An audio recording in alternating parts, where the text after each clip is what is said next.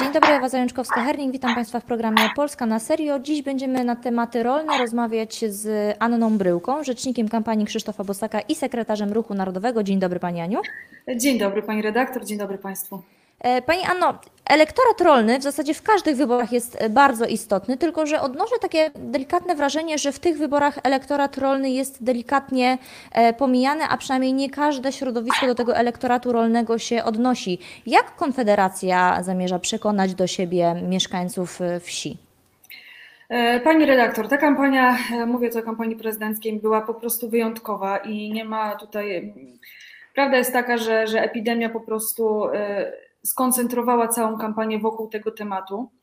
E, I niestety no nie było nawet e, większej szansy na to, żeby tutaj do elektoratu e, rolników, do elektoratu, elektoratu wsi po prostu dotrzeć.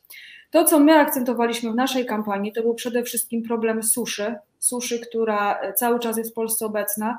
I to, co właśnie teraz obserwujemy, te warunki pogodowe, czyli od powodzi do suszy, dokładnie ten, ten scenariusz po raz kolejny się sprawdza. My apelowaliśmy tutaj razem z kandydatem Krzysztofem Bosakiem o zmianę po prostu strategii w gospodarce wodnej. E, problem suszy to nie jest problem, który dotyczy nas e, tylko w tym roku, to jest problem już właściwie w niektórych województwach, w niektórych terenach w Polsce, gdzie mamy od kilku lat permanentną suszę. I mhm. to jest jeden z wiodących tematów, który trzeba po prostu rozwiązywać. Nie da się go rozwiązać też w perspektywie jednej kadencji, tylko kilku, kilkunastu, nawet kilkudziesięciu lat, żeby zmienić te nawyki i w ogóle wprowadzić dobrą, nową strategię e, wodną.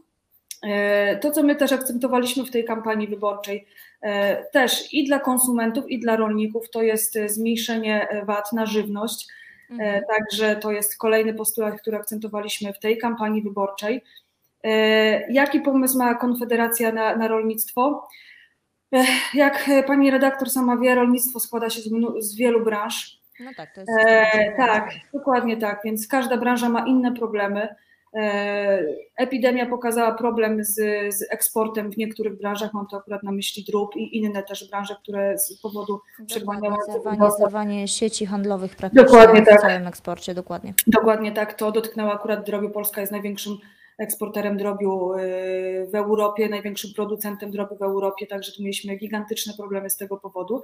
Ale drugi problem, który mamy z innej strony, to jest właśnie nowe, nowe umowy handlowe, które podpisuje Unia Europejska z państwami trzecimi, które są bardzo niekorzystne dla polskiego rolnictwa, bo My nie mamy żadnej przewagi konkurencyjnej, w ogóle europejskie rolnictwo nie ma żadnej w tej sytuacji przewagi konkurencyjnej. My musimy spełnić mnóstwo norm sanitarnych, fitosanitarnych, biurokratycznych też, które, które są nakładane na europejskich rolników, w tym także polskich, których nie mają do spełnienia e, południowoamerykańscy rolnicy i oni mogą produkować dużo, dużo po dużo bardziej konkurencyjnych cenach. Pani, Pani Anno, do tych umów handlowych e, z państwami trzecimi za chwilkę wrócimy, bo to łączy się również e, z. Brexitem e, i łączy się z Europejskim Zielonym Ładem, ale chciałabym na chwilę zatrzymać się przy pandemii koronawirusa, bo pandemia koronawirusa pokazała jeszcze jeden problem poza zerwaniem sieci mm, handlowych, mianowicie problem z pracownikami sezonowymi i jednym z postulatów Konfederacji jest ograniczenie migracji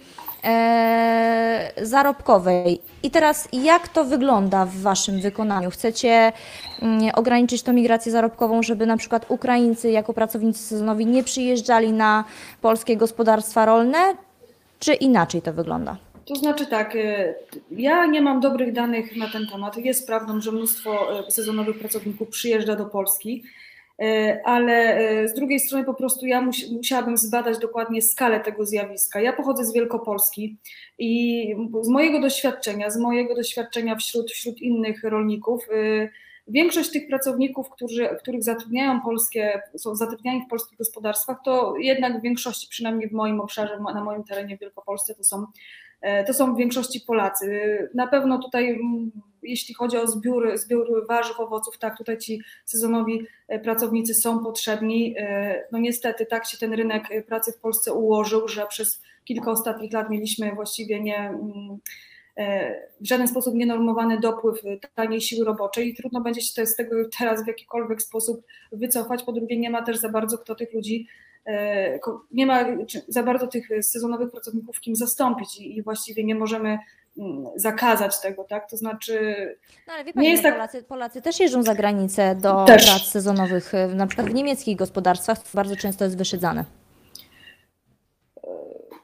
Wyszydzane, to znaczy, gdy pani No, redaktor się w połowie marca pojawiła się taka informacja, że polscy pracownicy sezonowi nie chcą na przykład jeździć do Niemiec na e, zbiory e, szparagów, bo nie tylko Polska teraz e, w dobie pandemii koronawirusa ma Oczywiście, tak. sezonowymi, ale to, jest- to są właśnie Niemcy, to jest Francja, mm, e, to jest Hiszpania, praktycznie cała Europa boryka się z tym problemem. Tak, tak, to, to, to, to i my też. Natomiast y, no to jest problem pracowników sezonowych. No, ja nie jestem przeciwnikiem tak, tego, żebyśmy tutaj jakoś ograniczali tą imigrację zarobkową w tym obszarze, bo po prostu to funkcjonowało przez kilka ostatnich lat i teraz będzie bardzo trudno w, jakiś, w jakikolwiek sposób to zmienić. Natomiast e, to, co w rolnictwie też można zaobserwować i, i, i, i, to możemy widzieć, to, to po prostu też pewnego rodzaju innowacyjności i nie potrzeba już tak dużo rok do pracy po prostu w rolnictwie, jak było to potrzebne e, wcześniej. Tak? No, także mam nadzieję, że tutaj już będziemy jakoś e, w pewien sposób balansować. Oczywiście nie da się inaczej zebrać truskawek i tak dalej, natomiast e,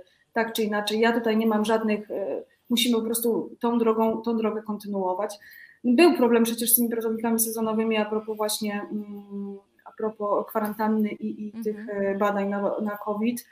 E, No dobrze, że tam rząd się wycofał z tego, i, i, bo owszem, można było zatrudnić e, pracownika z zagranicy, ale pod warunkiem, że e, samemu sfinansowało się badania. Badania, badania na koronawirusa. Wspomniała Pani również o suszy. Faktycznie jest to problem, mimo tego, że za To jest gigantyczny problem, to jest gigantyczny problem. pada deszcz, ale nawet sami rolnicy mówią, że żeby pozbyć się problemu suszy, musiałoby obficie padać przez co najmniej kilka miesięcy, żeby właśnie Tak. uzupełnić poziom chociażby wód e, gruntowych tak. i gleba zaabsorbowała e, wodę. Tylko, że mamy w Polsce taki program dofinansowania do małej retencji, jednak rolnicy Tak. nie są tym zainteresowani, Tak. ponieważ e, koszty y, wytworzenia małego zbiornika retencyjnego są ogromne e, i dopiero po utworzeniu tego zbiornika no 50% tych kosztów może być e, zwrócone, ale to też do ograniczonej kwoty chyba do 100 tysięcy złotych, o ile się nie mylę. Tak. Em, Jak Konfederacja chciałaby sobie poradzić z problemem suszy? Pani redaktor, właśnie, około, około tysiąca rolników skorzystało z tego programu. Problem suszy jest jednym problemem, a drugim problemem są bardzo niskie ceny skupu. I prawda jest taka, e, że wielokrotnie po prostu nie opłaca się w żaden sposób inwestować w jakikolwiek system nawadniania, deszczowni, małych retencji, bo jest to po prostu nieopłacalne. I taka jest niestety rzeczywistość, że żeby zainwestować w jakikolwiek e, system nawadniania, musi być to przede wszystkim opłacalne. E, I oczywiście mała retencja, jak najbardziej duża retencja, jak najbardziej deszczownie, to też jest dobre rozwiązanie, no ale oczywistym jest, że nie będziemy przecież podlewać e, kukurydzy czy zbóż, no bo to jest zupełnie, e, zupełnie No nieopłacalne. nierentowne. Nierentowne, żaden na koszty y, zboża, Tak, tak. Tak, tak, zboża są bardzo tanie, więc tutaj nie ma, nie ma w ogóle, e, nie ma, nie ma, nie ma, nie ma, nie ma, nie ma, nie ma sensu. No to, natomiast e, to, co my mamy też systemy melioracyjne, mamy systemy odwadniające, nienawadniające, nikt o tym nie myślał, my przez wiele lat po prostu mieliśmy problem z tym, że mieliśmy za dużo wody, tak było 20-30 lat temu, dzisiaj mamy tej wody za mało i ta, ta, ta, ta cała melioracja powinna być nie tylko melioracją odpływową, ale również zatrzymującą e, wodę. Pani Rzecznik, co z dopłatami bezpośrednimi? Bo to jest temat, który pojawia się w każdej kampanii wyborczej, szczególnie teraz, kiedy negocjowana jest nowa perspektywa finansowa Unii Europejskiej. No i tutaj e, polski rząd chce wynegocjować te dopłaty wyrównane do średniej unijnej. Wiemy doskonale, że system dopłat jest nierównomierny. Państwa z Europy Wschodniej otrzymują znacznie mniejsze dopłaty niż państwa z Europy Zachodniej i jest to e, spowodowane zróżnicowaniem gospodarczym w poszczególnych państwach unijnych. E, Jak Konfederacja podchodzi w ogóle do tematu dopłat bezpośrednich? W Konfederacji chyba dyskusja jeszcze trwa, nawet nie mamy chyba wypracowanego stanowiska w tej sprawie. E, Trwa w Unii Europejskiej cały czas e, p- m, rozmowa nad e, wieloletnim budżetem 2021-2027.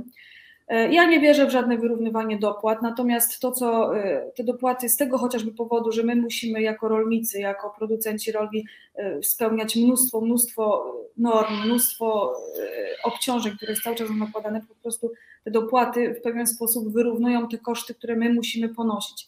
ale właściwie prawda jest taka, że w obliczu Europejskiego Zielonego Ładu, który jest wprowadzany i tych wszystkich norm, które za, za, za, zaraz będą obowiązywać, bo to jest perspektywa przecież 2030 roku, mhm. no to właściwie my stajemy się zupełnie bezkonkurencyjni, tak?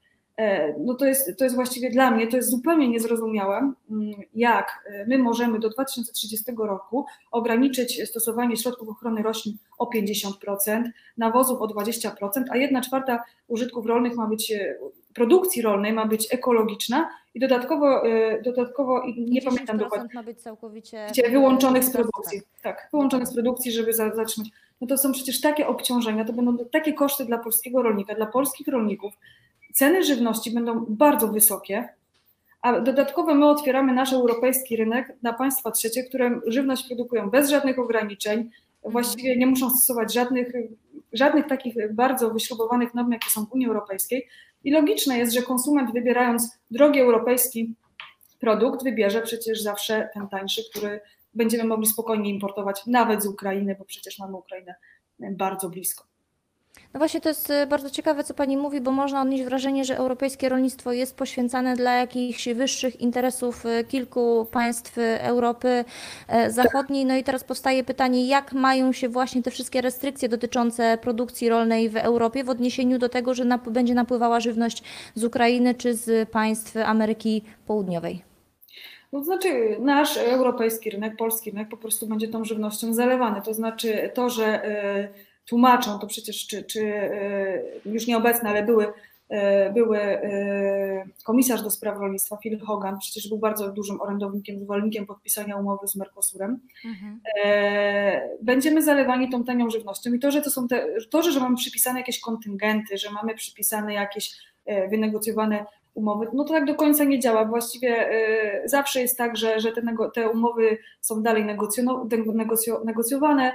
Y, ja przypomnę, że y, Komisja Europejska ma też taki sposób negocjowania tych umów i wprowadzania jej na obszarze całej Unii Europejskiej, że istnieje taki model jak tymczasowe obowiązywanie, co oznacza, że właściwie w żaden sposób państwa członkowskie nie muszą się zgodzić na podpisanie tej umowy, a tak czy siak ona będzie, tak czy inaczej, ona będzie po prostu mhm. obowiązywała w takim tak zwanym tymczasowym okresie.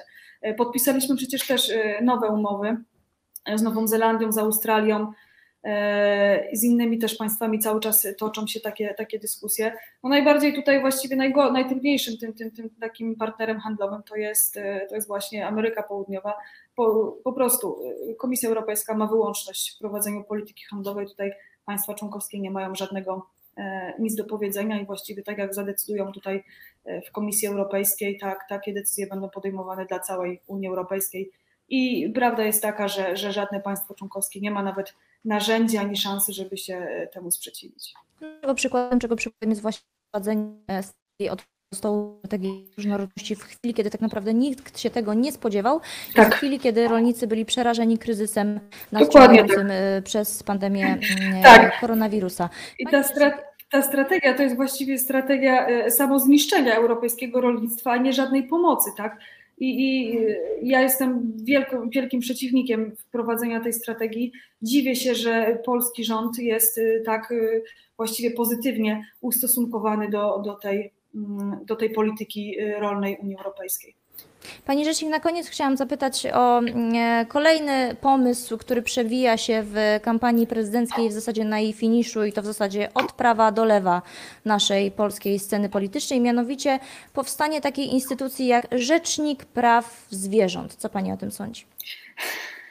Ach, kolejny, kolejny pomysł. E, pani redaktor, no od kilku lat mamy tutaj problem nie tylko w Polsce, ale i na świecie z tym, że próbuje się ograniczać E, produkcję zwierzęcą, próbuje się e, wmawiać e, całemu społeczeństwu, że w Polsce zwierzęta, które są w polskich gospodarstwach są, nie wiem nawet jak to nazwać, są torturowane, są mają, nie, mają dla czystej przyjemności rolnika, może tak. Dokładnie tak, jakieś tutaj przypisuje się, przypisuje się nam jakieś naprawdę złe cechy i tak dalej. Prawda jest taka, że my, że dobrostan zwierząt, jeśli ktoś kiedykolwiek miał do czynienia z, z produkcją zwierzęcą, doskonale wie, jakie, te, jakie rolnicy muszą spełnić również normy w aspekcie dobrostanu zwierząt. To nie jest tak. Ja się czasami zastanawiam, te, te różne zapisy to właściwie są dużo lepsze e, niż e, warunki, w których e, nikt nie sprawdza tego, w jakich warunkach mieszkają ludzie, a sprawdza się to, w jakich warunkach e, zwierzęta są hodowane u rolników. I to się sprawdza, tak? Muszą być odpowiednie wymiary. Nikt, żaden rolnik przecież nie będzie, nie będzie e, swoich zwierząt e, dla przyjemności mm, głodził albo coś z tych rzeczy e, po prostu robił, bo, bo zdrowe zwierzę to jest po prostu dla rolnika dochód, tak? a, a chore zwierzę to jest po prostu strata. I każdy będzie się o to troszczył jak najlepiej potrafi. I każdy rolnik to robi. Normalny rolnik, normalna, normalny producent, który chce dbać o to, żeby jak najlepszej jakości e, zwierzę sprzedawać do rzeźni i mieć z tego po prostu jak najlepszy dochód. I to samo dotyczy i zwierząt futerkowych i tak dalej. Ja sobie nie wyobrażam, jaki hodowca zwierząt futerkowych e, może sprzedać zwierzę, które jest e, chore. Przecież no, jakie może być z tego futro, tak? I, i No tak tutaj dalej. Nie? Podstawowym, podstawowym pytaniem jest, kto takim rzecznikiem miałby być, bo jeżeli byłby to przedstawiciel organizacji prozwierzęcej, która na przykład wchodzi na prywatny teren e, pod nieobecność e, właściciela, no to wtedy może być dosyć niebezpiecznie. Dokładnie tak, dokładnie tak. Ale to jest szersza strategia po prostu e, środowisk takich lewicowych, żeby w ogóle po pierwsze zrezygnować z hodowli zwierząt, a po drugie, żeby tutaj nas e, po prostu niszczyć pewien, pewien sektor polskiego rolnictwa, być może konkretnie polskiego rolnictwa, a będzie się rozwijał po prostu w innych państwach. To, że my nie będziemy w Polsce mieć zwierząt futerkowych, to nie oznacza, że na świecie ich po prostu nikt inny nie będzie produkował. Bardzo Pani dziękuję za ten e, rolny komentarz. E, Bardzo się cieszę, że udało się nam e, połączyć w tym gorącym, gorącym czasie kampanii prezydenckiej. Moim i Państwa gościem w programie Polska na serio była Pani Anna Bryłka, rzecznik kampanii Krzysztofa Busaka, sekretarz Ruchu Narodowego. Bardzo dziękuję. Dziękuję Pani redaktor.